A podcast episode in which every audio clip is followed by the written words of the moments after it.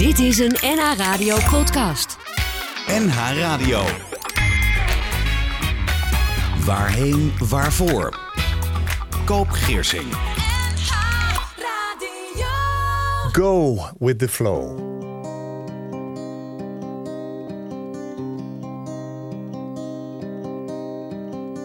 Nooit gelogen, nooit bedrogen, maar het is anders dan voorheen.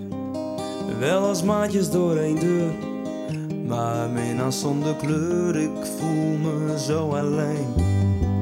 Lege dagen zonder klagen glijden ongemerkt voorbij. We doen of ze niet bestaan, waar is het misgegaan? Voel jij nog iets voor mij? We hebben woorden zonder woorden. En we lezen elkaars ergernissen en naar elkaars gedachten. Hoeven wij al lang niet meer te gissen. En de stilte wordt verward met rust. Ik mis het vuur waarmee je hebt gekust. Kunnen wij je tijd nog keren? Ik wil je weer als ooit begeren. Al die dromen, ons ontnomen, allang vervlogen in de nacht. Is er nog genegenheid? Oh, is er slechts de eenzaamheid? Ach ja, we slapen zacht. Opnieuw beginnen, je weer beminnen. Mijn fantasie slaat veel te vaak op hol. Er zijn redenen in overvloed, maar we hebben niet de moed. Hoe houden we dit vol? We hebben woorden zonder woorden. En we lezen elkaars ergernissen en naar elkaars gedachten. Hoeven wij al lang niet meer te gissen en de stilte wordt verwarmd met rust. Ik mis het vuur waarmee je hebt gekust. Kunnen wij je tijd nog keren? Ik wil je weer als ooit begeren. Maar als de hartstocht is geblust, geef me raad, vertel me wat te doen. Zal ik ooit nog dromen, net als toen? Zal ik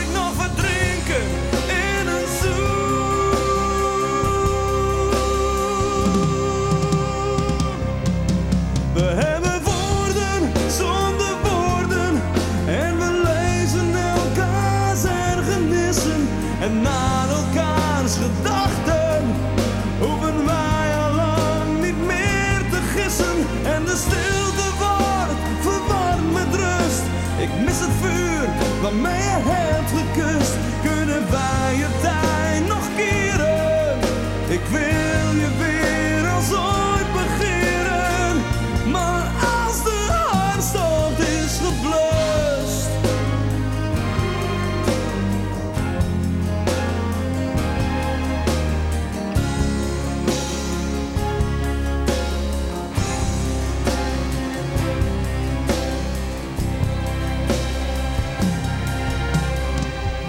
Nooit gelogen, nooit bedrogen, maar het is anders dan voorheen. Wel als maatjes door één deur, maar minnaar zonder kleur. Woorden zonder woorden uit 1998 van het album Niets te verliezen van de Nederlandse band De Kast.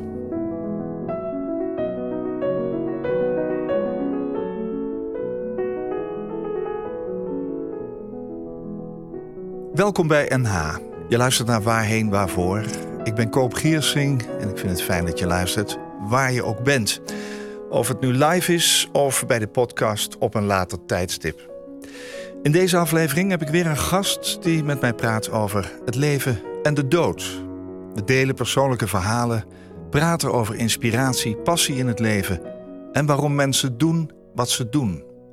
En bovendien bespreken we welke drie nummers er tijdens de eigen uitvaart worden gespeeld en waarom juist die nummers zijn gekozen. Mijn gast is gelukkig getrouwd, moeder van twee kinderen, innovator en gedragsveranderaar in de zorg en auteur van het autobiografische boek Dit gebeurt alleen in films, uitgegeven in mei 2023 door haarzelf en Growing Stories.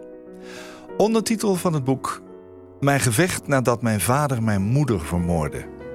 In 2006 verloor mijn gast op 21-jarige leeftijd haar moeder Marga en ging haar vader Hans de gevangenis in voor de moord. Sanneke Lange doen. Welkom. Dank je. Zo'n heftig begin zeg. Ja, dat is altijd een rare opening, hè? Ja, nou, raar. Ik begrijp de titel van je boek. Dit gebeurt alleen in films. Maar het is jou overkomen. Ja. Hoe is het op dit moment met je? Het gaat heel goed met mij. Ja, ik sta lekker in het leven. Ik heb een eh, leuk gezin, fijne mensen om me heen, een leuke baan. Ja, het gaat goed. Ja, het moment van dit gesprek is het Vaderdag. Eh, doe je daar iets aan thuis? Ja, we hebben natuurlijk twee jonge kinderen. En die hebben allemaal knutselwerkjes gemaakt en we hebben een cadeautje gekocht. Dus ja, ja dat gaan we wel vieren straks als ik weer thuis ben. Ja, ja. Je straalt ook, als ik zo vrij mag zijn. Je, je vertelt het met een blij gezicht. Ehm, ja, we gaan praten over jou en over jouw verhaal dat je als een thriller geschreven hebt. Eh, je bent de dochter van een moeder die door jouw vader is vermoord. En we kennen het verhaal als de Udense kofferbakmoord. Eh, jouw moeder is op enig moment zoek. Jullie melden haar vermissing. En jij bent dan 21 jaar en na twee maanden krijg je de boodschap dat zij is gevonden in de auto van je vader. Het boek is opgedragen aan je kinderen, merk ik. Je begint daarmee, je eindigt daarmee. Je schrijft dat hun opa en oma sterretjes zijn aan de hemel en dat ze ook in hun harten zitten.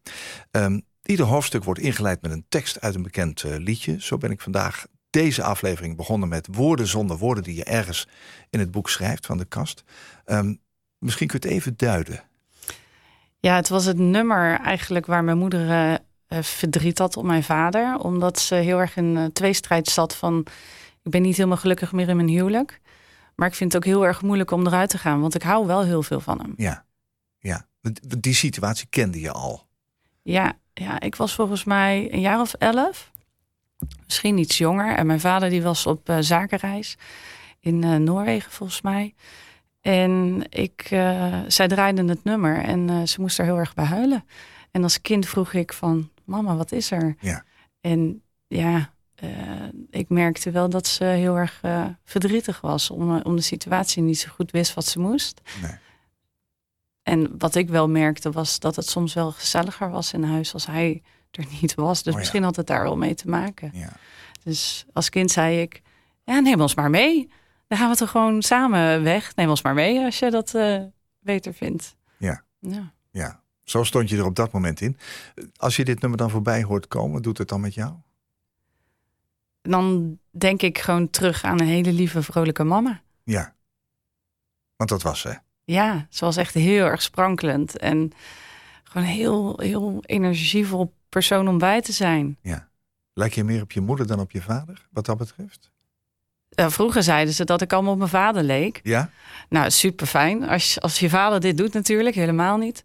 Maar ik ben er intussen wel achter gekomen dat ik heel erg ook op mijn moeder lijk. Dus ik ben gewoon lekker een mengelmoes, maar ik ben vooral lekker mezelf. nou, goed zo. Jouw vader is overleden in de gevangenis.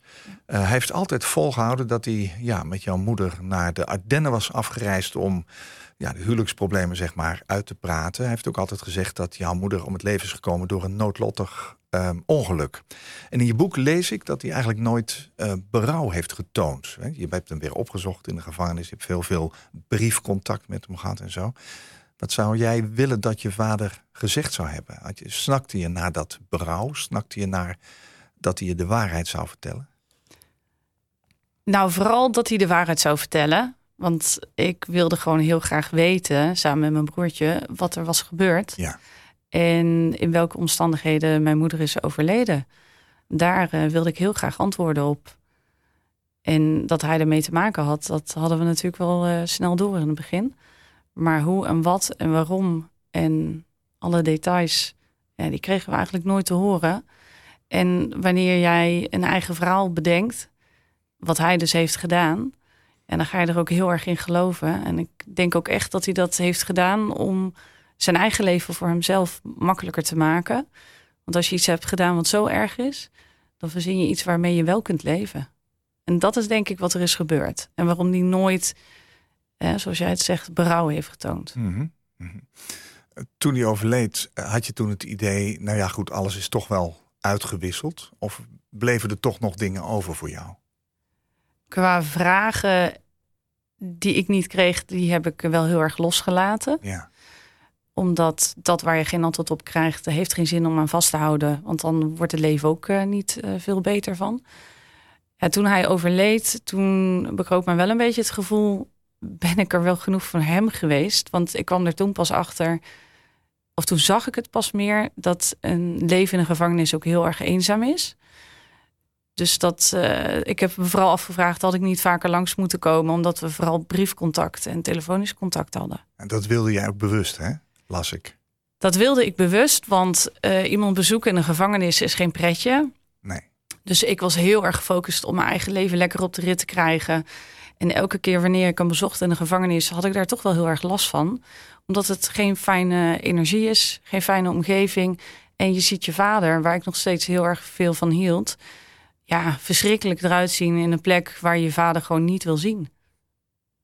Dus dat deed ik liever niet. Nee. En in de brieven hebben jullie veel uitgewisseld. Maar uh, uit jouw boek blijkt ook wel dat daar uh, de vragen die jij stelde niet echt als antwoorden terugkwamen. Nee, hij was vooral bezig met zijn eigen leven in zoverre hij zat in een gevangenis. Ja. En voor hem was het belangrijk om er zo snel mogelijk ook weer uit te komen, denk ik. Ja. En voor hem de waarheid die hij in zijn hoofd had, om die naar boven te krijgen. Dus daar was hij op gefocust. Dus hij had een heel duidelijk doel voor ogen. Ja. En daar heeft hij zich helemaal vastgehouden. Hij wilde bewijzen dat hij onschuldig was. Ja. Ja. Heb je de brieven allemaal nog? Ik heb merendeel van de brieven heb ik allemaal bewaard. Ik heb een paar brieven in een boze bui ooit een keer verscheurd. Ja. Alsof ik erbij kon doen. Wat natuurlijk helemaal niet zo is. Maar ik wist ergens wel dat het voor mij belangrijk was om die brieven ooit weer terug te lezen. Ja. ja. Doe je dat nog wel eens dan? Toen ik met het boek bezig was, heb Ja. ik heel veel brieven teruggelezen. Ja, ja, ja. Ja, en nou zitten ze mooi in een mapje. En nou kan ik ze er altijd bij pakken als ik wil. Maar daar heb ik nu geen behoefte aan meer.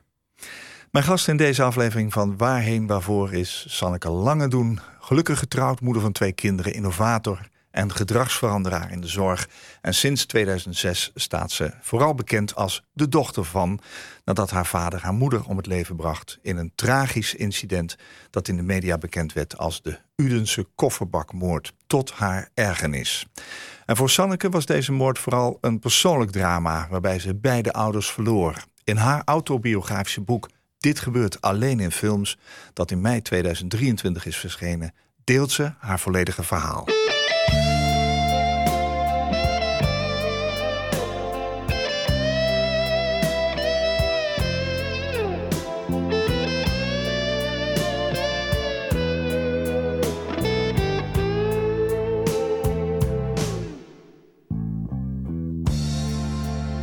Used to be so easy to give my heart away. But I found out the hard way there's a price you have to pay. I found out that love was no friend of mine. I should have known time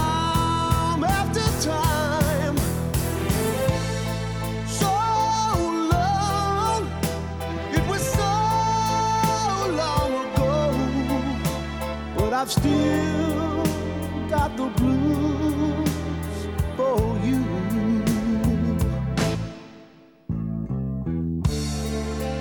Used to be so easy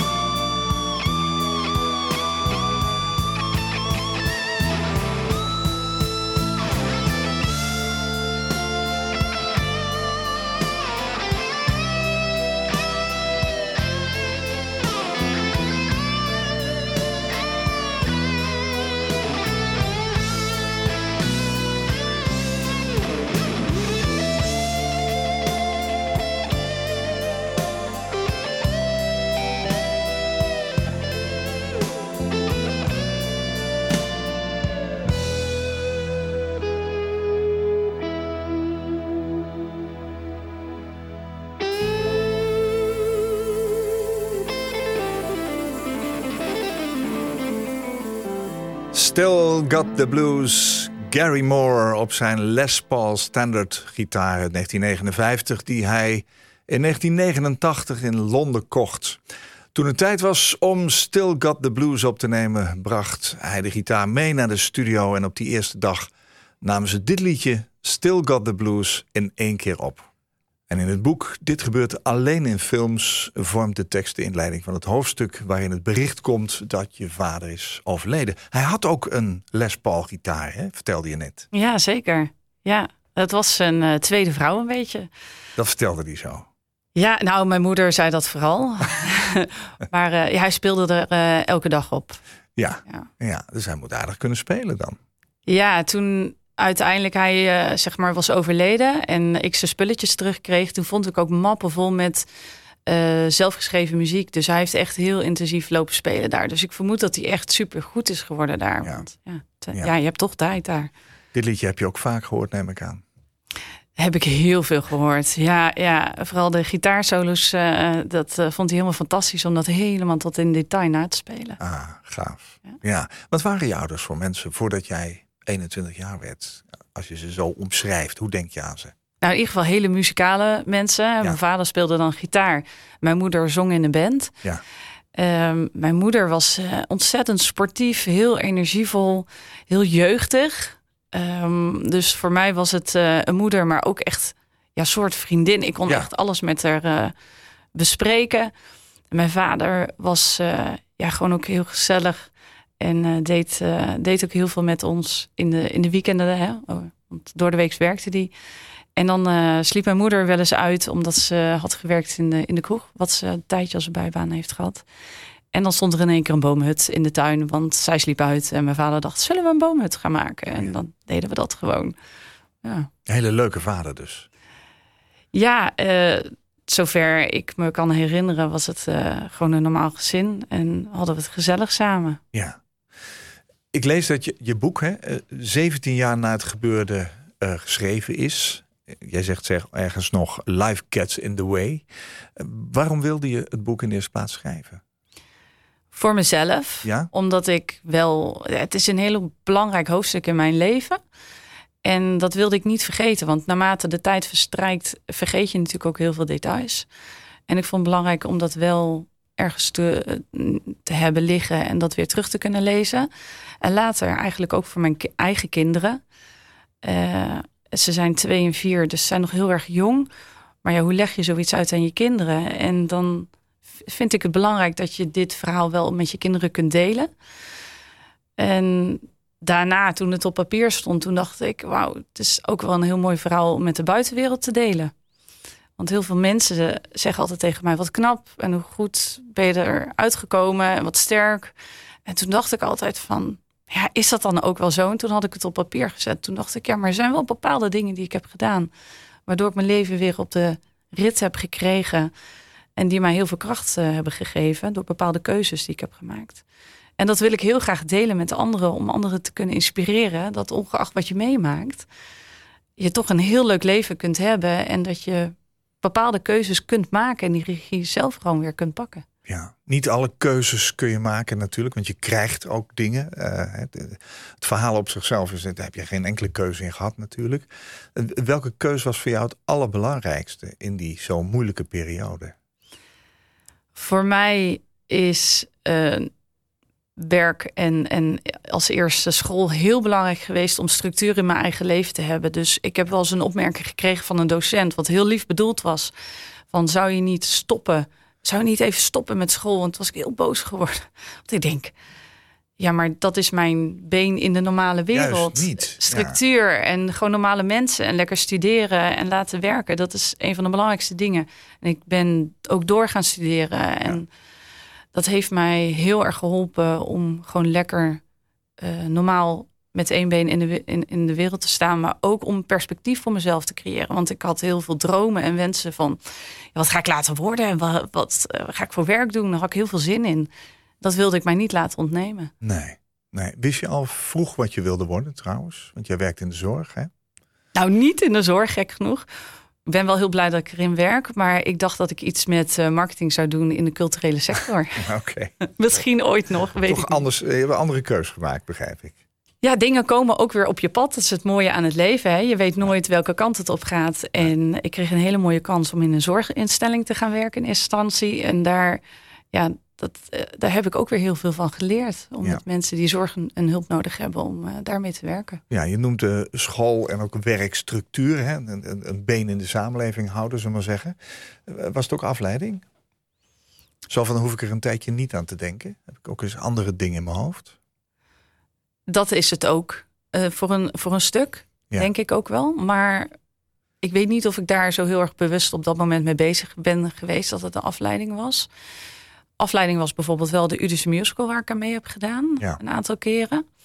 Ehm, was ook iets wat ik met mijn moeder had afgesproken. Zij had eraan deelgenomen. Ja. Praatte daar heel enthousiast over. En daar wilde ik ook heel graag eh, aan meedoen. En hadden we ook met z'n tweeën afgesproken. Gaan we samen doen. Dat kwam er niet meer van. Toen was ze er niet meer. Maar toen ben, heb ik dat wel gedaan. Toen heb ik weer heel veel leuke lieve mensen ontmoet. Wat ook heel veel weer moois op mijn pad bracht. Ja. Ja. ja. Dus door die keuzes te maken heb je ook weer allerlei nieuwe inzichten verzameld, zou je kunnen zeggen. Absoluut. Ja. Ja. Je, je hebt het boek natuurlijk, toen het kant en klaar was, weer helemaal gelezen. Tenminste, dat denk ik. Eh, is het dan nog steeds jouw eigen verhaal? Het is absoluut mijn eigen Ja. verhaal. Ja, echt van A tot Z. Ja. Eh, het oorspronkelijke manuscript was eh, wat uitgebreider. Ja, moest iets uit, begrijp ik. Eh, er moest wel iets uit. Ja.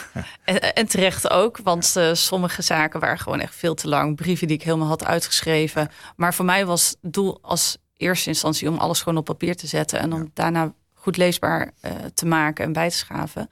Maar het is echt van A tot Z mijn verhaal. En wat ik van al mensen te horen krijg als ze het lezen. En die mij kennen zeggen, nou ik hoor jouw stem er helemaal doorheen. Ja. Ik hoor jou het helemaal zeggen. Ja. Dan denk ik, nou dan is het toch goed gelukt. Vanaf nu ga ik dat ook doen, hè, want eh, nu hoor ik je stem. Ik heb het boek in één ruk uitgelezen. Het is, het is bijna een spannende thriller. Eh, als je had gezegd van ik heb het eh, van A tot Z bedacht, dan had ik het net zo goed gevonden. Maar ik vind het nu veel aangrijpender, omdat het allemaal dus echt gebeurd is. Je, je begint eigenlijk waar het allemaal nog eh, koek en ei is. Dan zijn er wel wat huwelijksproblemen. Dan wordt jouw moeder in één keer, ja, die is weg. En, en iedereen denkt aanvankelijk, ja, god, nou ja, ze is, op, ze is de hort op. Ze zoekt haar vrijheid. Maar het duurt toch lang. Je gaat aangifte doen. Met je vader ben je dat van plan. En twee maanden later, ehm, ja, in die twee maanden zoek je, zoek je, zoek je. En eh, hoe kan dat nou dat ze weg is? Twee maanden later krijg je het bericht dat ze is eh, overleden. Je vertelt het zo gedetailleerd. Ehm, hoe, hoe heb je al die details van die gesprekken en die gebeurtenissen onthouden? Eh, heb, je, heb je destijds al aantekeningen gemaakt? Dagboeken en zo? Ja, ik heb in het begin eh, redelijk wat opgeschreven. Zeker in die twee maanden van vermissing had ik een dagboekje wat ik bijhield. En schrijven is sowieso voor mij altijd wel iets geweest wat ik veel deed. Ja, Dus eh, hier had ik ook gewoon pen en papier eh, gepakt. Dus ik had veel opgeschreven. Ehm, en er zijn elke keer momenten in mijn leven geweest dat ik zaken opschreef. ja, Dan wel ja, ook herinneringen die ik met mensen uit mijn omgeving weer heb opgehaald. En sommige momenten die vergeet je gewoon nooit meer. Hoe ze zijn gebeurd. Zijn er ook dingen weer naar boven gekomen waar je dacht, oh ja, Nou, ehm, nee. Ja, ja, nee. Het zal vast wel. Maar als je dat nu zo vraagt, dan denk ik, ja, dan moet ik wel heel goed nadenken. Is dat, eh, is dat geweest? Misschien bepaalde gesprekken die ik heb gehad eh, met, eh, met vrienden. Dus mijn, een, vriendin van mij, waar ik ook veel mee overleg heb gehad van hoe Ja. was dat en dat. En toen hadden we wel een paar oh ja momenten. Ja. Ook vanuit, vanuit hun kant. Ja. Ja. We praten zo dadelijk verder. Ik heb jou gevraagd, eh, iedere gast die hier aanschuift, eh, vraag ik om drie liedjes mee te nemen. eh, die misschien op je eigen uitvaart ooit gehoord moeten worden. Dat moet in jouw geval een hele klus zijn geweest. Jou- jouw boek staat bol van de liedjes. Maar je hebt er toch drie uitgekozen. Was het een lastige opgave? Dat was ontzettend moeilijk, Ja? want ik vind heel veel nummers eh, heel mooi en ook echt bij mij passen. Ja. Dus dat was wel even eh, moeilijk om Ja. te kiezen. Toch zijn er drie liedjes uitgekomen. Floor Jansen staat eh, op één of op drie, wat jij wil. Waarom? Nou, eigenlijk heb ik heel veel nummers van haar gezongen in die periode. En dat heeft mij heel veel kracht gegeven. Ook haar tekst eh, raakt mij heel erg. En de manier waarop zij het zingt. Ik hou heel erg van het beetje opera, rock. En dat, dat is helemaal, dat ben ik helemaal. Beetje gothic? Ja, ik zelf ben dat niet echt als persoon, maar de muziek vind ik prachtig. En ik hou van eh, krachtige stemmen, krachtige vrouwenstemmen vind ik prachtig. En hoe heet het liedje? Eh, strong.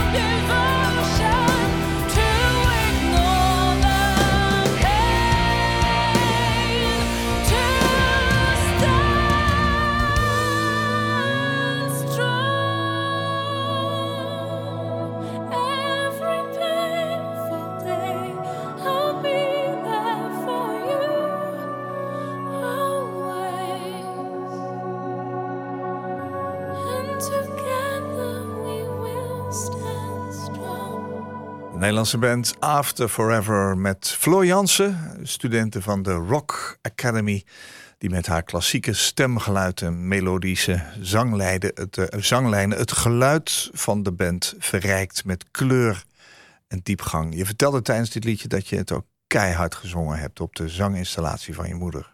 Absoluut. Ja. En- dit is nog een rustig nummer, maar ze hebben ook nog wat eh pittiger nummers ertussen zitten. Dus ja. Ja, je houdt van eh, power women, begrijp ik. Hè? Absoluut. Eh, dat vind je mooi. Maar je ziet het ook als therapie, hè, die muziek. ja, absoluut. Ik heb echt de longen uit mijn lijf eh, gezongen. En nog steeds doe ik dat. Ja. Praten heeft voor mij totaal niet geholpen. Maar zingen wel. Het is een ontlading. Ik voel me helemaal relaxed en ontspannen daarna. En dan is het uit mijn systeem. Dus ik zing nog steeds elke dag. Al is het maar in de auto. Ja, mooi. Eh, Het boek, nu het gepubliceerd is, en mensen hebben er in één keer een mening over. Je wordt eh, veel uitgenodigd eh, in de pers. Ehm, jij spreekt over een afsluiting. Is dat het ook? Wat sluit het dan af? Nou, het is. Ik heb eigenlijk geleerd dat het niet echt af te sluiten is. Nee. Ik zei tegen een vriendin: Nou, nu is het een boek, eh strik eromheen en klaar. En, toen, klaar. en, en dan is het klaar. En toen zei ze tegen mij: Nee, San, we gaan het de rest van ons leven nog over hebben. Toen dacht ik: Ja, dat is, dat is eigenlijk wel waar. En dat is ook oké. Dus ik realiseer me ook: het is gewoon iets wat altijd zal blijven, waar ik altijd over zal praten. Ja. En dat is goed, dat is gezond. ja, nou ja, het mag ook, hè? Ja. toch? Verdriet mag er zijn. Dat lees ik ook ergens bij jou in het boek. En eh, ja, ik denk dat je daar helemaal gelijk aan hebt. En ik denk dat je vriendin ook gelijk heeft. Ja. dit sluit niet af. Je hebt alleen nu wel een soort samenvatting gemaakt van datgene wat je toen hebt meegemaakt. En dat deel je nu met de rest van de wereld. Is er meer begrip gekomen? Het dubbele perspectief. Eh, Leg dus- eens uit. Nou, aan de ene kant, je bent moeder of dochter van de moeder die wordt vermoord, maar je bent tegelijkertijd ook dochter van de vader die dat heeft gedaan. En dat is een heel dubbel perspectief. Je Want was ze ook allebei kwijt, hè? ze waren in één keer allebei weg. Ja. Ja, Dus zij was er niet meer en hij zat in de gevangenis. En we waren gewoon alleen. Ja. Ja, we zit je alleen thuis in dat huis. En dan Ja. komt er een hoop op je af. Het is niet zo dat, dat je zo boos... Je bent natuurlijk wel heel boos op hem geweest. Dat, dat, dat blijkt ook uit je brieven. Dat je wegbleef uit de gevangenis. Dat je even niks met hem te maken wilde hebben. Maar je bent altijd van hem blijven houden. Dat lijkt me heel moeilijk, hè? maar ik heb het niet zelf meegemaakt. Ik vind het ook eh, krachtig dat je, dat je kan zeggen... ik blijf van de man die ik mij herinner houden. Want het is mijn vader. Maar je was ze allebei kwijt. En dat was ook zijn schuld. Is er ooit een moment geweest dat je dacht... ik zie hem nooit meer. Ik wil hem nooit meer zien. Ik heb een kleine periode gehad. Toen was ik net verhuisd en eh, ging met iemand samenwonen. En toen heb ik een heel klein jaartje even totaal geen contact gehad. En dat heb ik hem ook aangekondigd. Zo van, ik heb, voor mij is het even klaar. En, eh, Maar ik- even, even is tijdelijk. ja, is wel tijdelijk geweest. Ja, het contact hebben was toch wel fijn, want Ja, ik eh, studeerde. Ik studeerde ook af. Eh, ik ging werken. Je hebt een nieuwe relatie. Je gaat door met je leven. En dan is het heel fijn om dat toch met iemand te kunnen delen. Dus hij, hij- eh, toch nog een klein beetje papa te hebben die je dan toch nog wel had. Dat was het. Ja, Je had een vader en daar had je ook recht op.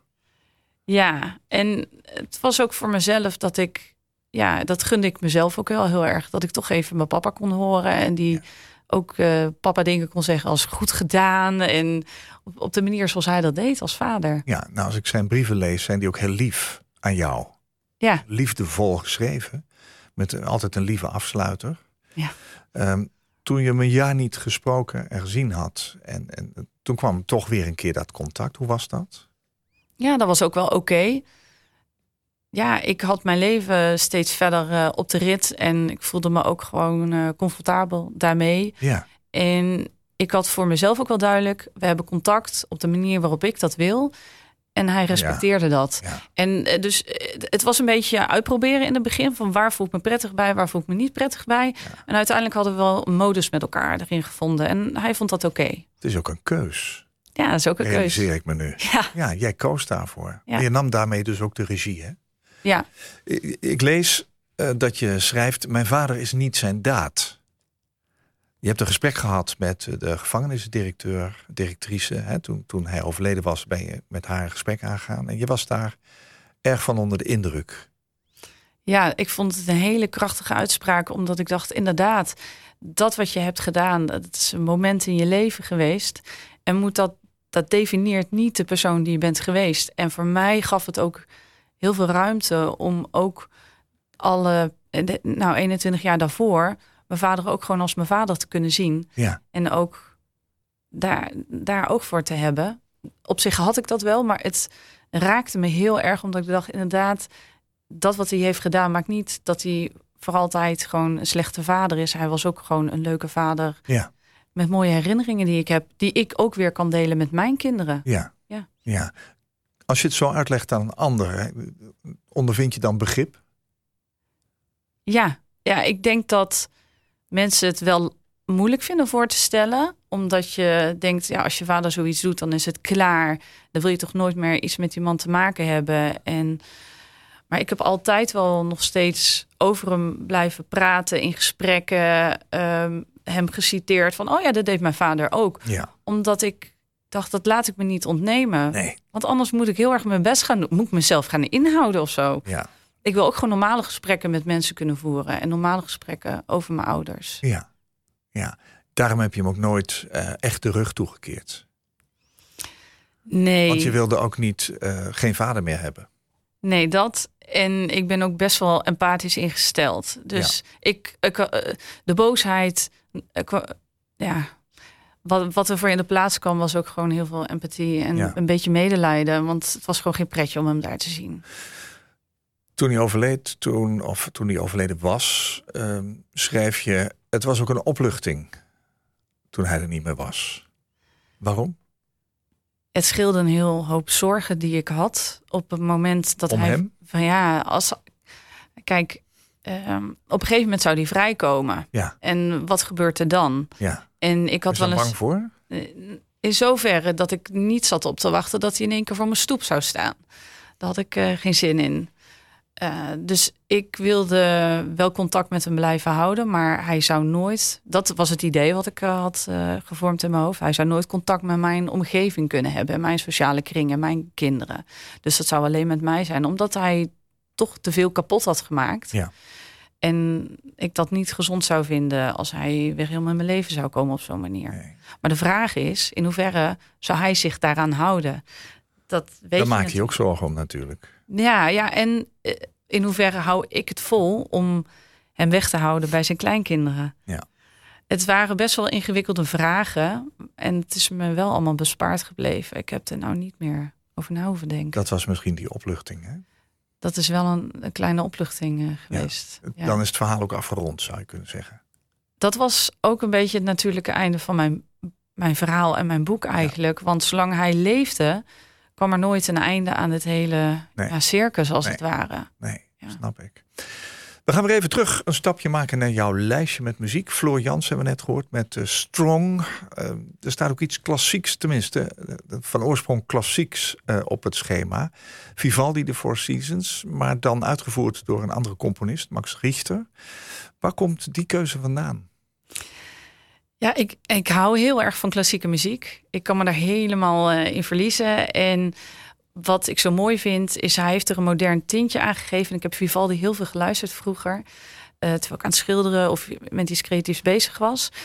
En soms heb je geen woorden nodig om een gevoel eh, over te brengen. En dat is dit.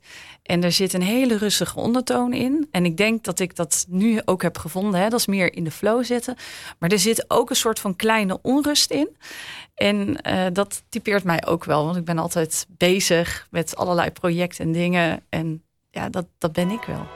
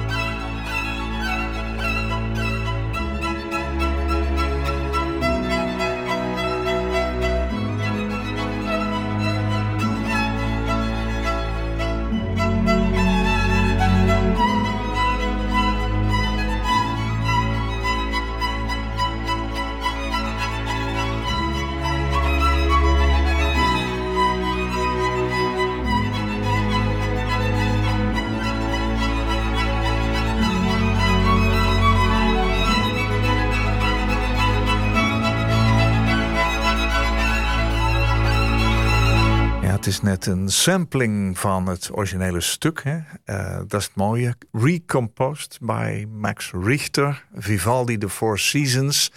En dan staat er Spring One 2012. Nou, het zijn allemaal getallen en eh, details, vergeet zo onmiddellijk maar weer. Maar het is een volledige hercompositie, een herinterpretatie van Vivaldi's vioolconcerten, de vier jaargetijden van de hedendaagse klassieke componist Max Richter. Je hoorde de Four Seasons One, dus Spring One 2012. Mooi stuk. Ja? Ja, zeker naar Floor Jansen, waar je natuurlijk ook al wat klassieks in hebt eh, gehoord. Het is een hele mooie verbinding. We hebben nog een stuk zometeen, een heel druk stuk. Eh, daar sluiten we de drie liedjes eh, met jou mee af. Je zegt dat je met het boek, een boodschap wil overbrengen. Het in iets positiefs omzetten. Nou ja, zeg. Als je het allemaal niet meegemaakt hebt en gelezen hebt, denk je, hoe krijg je het nog voor elkaar om van dit verhaal iets positiefs te maken?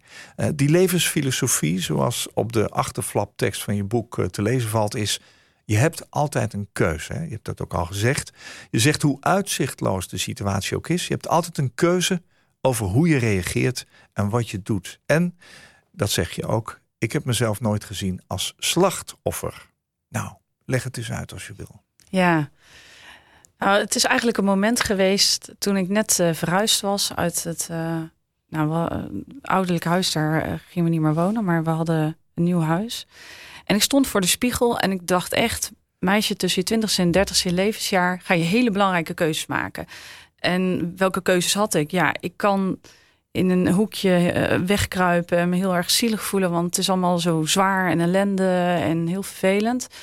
Ja, of ik maakte wat van, want mijn moeder stond op het punt in haar leven om, er, ja, om, om een nieuwe stap te zetten. Want ze wilde scheiden, ze wilde voor zichzelf gaan. Ze was helemaal in de prime of her life.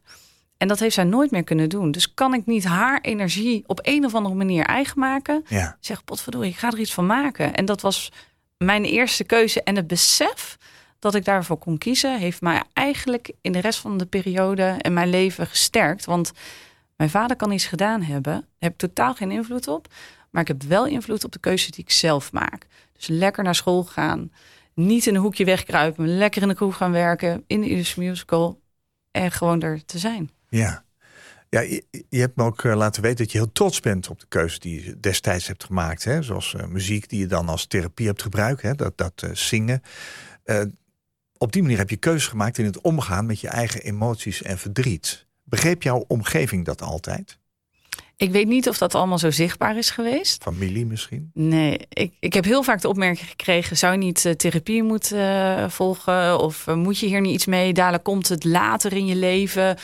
Als je gaat trouwen of als je kinderen gaat krijgen. En elke keer dacht ik: nou, wanneer gaat die klap dan komen? Ja, Ehm, en toen realiseerde ik me eigenlijk dat ik het op een andere manier heb weten te verwerken. En muziek is voor mij vanaf begin af aan, van jongs af aan, heel belangrijk geweest. En een vorm van het uiten van mijn emotie. Ja. Ja, dat doe ik nog steeds elke dag. En dat heeft me zoveel meer geholpen eh, om te ontladen en ook echt bij mijn gevoel te komen. Dus verdriet mag er ook zijn. Nou, dan maar lekker een bordje huilen. ja. Ja. En dat doe je ook van tijd tot tijd. Absoluut. Ja. ja. Komt dat vaak voor? Ja, ik huil nog steeds eh, regelmatig. En dat, eh, dat vind ik ook lekker. Om er gewoon even lekker in te zitten. Ja. Natuurlijk zijn er momenten dat je je niet zo lekker voelt. Nou, eens even ontdekken. Waar, wat doet dat dan met me? In die, in die emotie en het gevoel. ja. Is het verdriet omdat je je ouders niet meer hebt, omdat je ze mist? Nou, dat komt ook wel eens Ja. eh, voorbij. Of misschien verdriet omdat het op het werk eh, misschien niet eh, gaat zoals je wil. Of met vrienden. Of... Maar over het algemeen komen mijn ouders natuurlijk nog steeds wel regelmatig voorbij. En dat is prima. En vooral nu, hè. Ik heb heel veel gesprekken hierover voor. Ja, ja. Nou ja, je zegt ook, hè, ik heb altijd veel gepraat. Dat doe je nog steeds met eh, vriendinnen over van alles. En ik hoop ook in je gezin. Hoe heeft het schrijven jouw kijk op het eh, gebeurde, zeg maar, beïnvloed? Het, het heeft me in ieder geval doen realiseren dat het toch best wel heel erg veel is wat er is gebeurd. Oh, ja, daar moest je schrijvend achterkomen. Ik realiseerde het natuurlijk wel, altijd al. Maar toen ik het voor het eerst op papier van A tot Z weer helemaal eh, had teruggelezen, toen had ik voor het eerst wat ik totaal niet wilde, wat niemand, ik wilde nooit medelijden. Maar ik had een beetje medelijden voor het meisje dat 21 was en zoveel voor de kiezer heeft gehad. Da daar, ja, dat deed me toch wel iets. Ja. Je liet me ook weten dat het besef ehm, dat liefde tussen een ouder en kind heel sterk is. Ook bij jou gegroeid is door dat schrijven. Ja, ik besefte me in één keer dat het is onvoorwaardelijke liefde. Dus als je ouders in één keer wegvallen, dat, dan heb je die onvoorwaardelijke liefde, is dan valt dan ook weg. Ja, En dat realiseerde ik me heel erg tijdens het schrijven en ook gewoon vanaf het begin af aan toen, toen ik ze verloor. Ja, dat is toch iets heel kostbaars wat je dan niet meer hebt. Ja. Dat vul je namelijk niet zomaar meer op. nee. Nee. Zou je kunnen zeggen dat het je ook helpt in de manier waarop je nu in het leven staat? Ja, het, het hele gebeuren bedoel je. Ja. Ben je er sterker uitgekomen? Of heb je juist dingen bij jezelf ontdekt waarvan je niet eens wist dat je ze had? nou, dat ik krachtig ben en dat, dat ik een hele positieve kijk op het leven heb. Ehm, en de wil om er iets van te maken, maar ook iets achter te laten in dit leven. Dus dit boek, ik hoop echt dat ik mensen kan raken en kan inspireren. En dat ik mensen die het misschien ook niet altijd even makkelijk hebben, kan laten zien, jongens. Dus ik, ik ben wel heel erg gedreven, gemotiveerd om wat bij te dragen aan deze wereld. Ja. Ehm, via mijn boek, via mijn werk. Ik, ja, dat is wel iets waar het me heel erg drijft. Ja. Ja, ja. Lukt dat? Ik denk dat ik aardig op de goede weg eh, zit. Ja, als ik iets in mijn hoofd heb, dan, eh, dan komt, komt het er meestal ook wel. Ja. Maar je hebt ook het idee dat mensen daar goed op reageren. Ja, als ik merk dat andere mensen ook heel enthousiast worden. En dan denk ik, ja, dan ben ik toch op de goede weg bezig. En ik vraag ook altijd heel veel feedback. Eh, en vraag ook, ja, ik ben ook heel zelfreflecterend daarin. Ja. Ik, heel nieuwsgierig. Ja. Ja. Ik vind het ook heel knap, als ik het zeggen mag. Dat hebben meer mensen gezegd. En jij zegt van ja hoor, is, het zal wel. Maar ik vind het wel. Ah, nou, dankjewel. Heel erg Ja. lief. Ja, zeker. Door de keuze die jij gemaakt hebt, durf je ook te leven.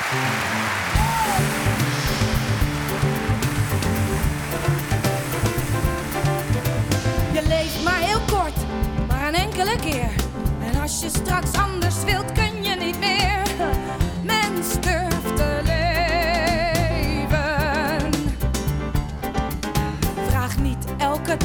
je korte bestaan. Hoe hebben mijn pa of mijn grootpa gedaan? Hoe doet er mijn neef of hoe doet er mijn vriend? En wie weet hoe of dat dan de buurman weer vindt. En wat heeft het fatsoen voor geschreven? Mens durft te leven.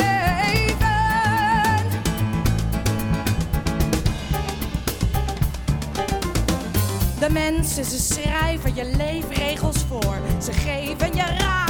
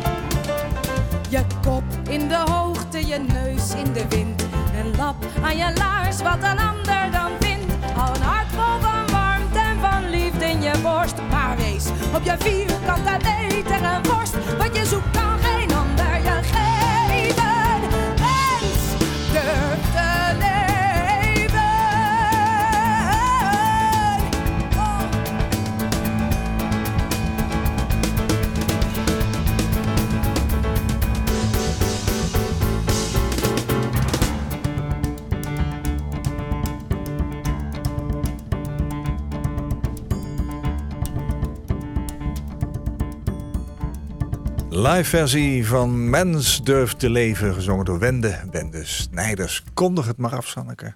Ja, durf te leven. Dat is iets wat ik iedereen heel graag wil meegeven. En ook vooral, kijk, luister. Mijn vader was zijn daad niet, maar ik ben mijn rugzak niet. Het leven mag gevierd worden en iedereen verdient het om met een open blik eh, eh, ontvangen te worden, zonder oordeel. Ehm, ook bij mij, ook bij anderen. Iedereen verdient dat. Ja, durf te leven, daar gaat het om. Het is een prachtige afkondiging. Dank je wel dat je hier wilde zijn, mijn gast. In deze aflevering van Waarheen Waarvoor was Sanneke Lange doen. Soms, tussen aanhalingstekens, krijg je een slechte set kaarten toebedeeld in het leven. Dat lees ik in haar boek. Dit gebeurt alleen in films, door haar uitgegeven in mei 2023, samen met Growing Stories. Het is haar biografische verhaal over haar gevecht nadat haar vader haar moeder vermoordde. Go with the flow, schrijft ze voor in het boek dat ze heeft opgedragen aan haar twee kinderen. Het waren woorden van haar moeder Marga. Het komt wel goed. Sanneke mist haar beide ouders nog iedere dag en ze denkt positief en met veel liefde aan hen. Sanneke, dank voor je boek en voor je inspiratie. Ik zit hier met kippenvel, kan niet anders zeggen. En dank dat je hier wilde zijn om je verhaal nogmaals, maar dan met ons te delen. Ook ontzettend bedankt. Koop Geersing. Radio. Als jij een keer te gast wilt zijn in Waarheen Waarvoor om te vertellen over jouw levensreis, laat me dat dan weten via waarheenwaarvoor.nhradio.nl. Waarheenwaarvoor.nhradio.nl. Dit was een NH Radio podcast. Voor meer, ga naar nhradio.nl. NH Radio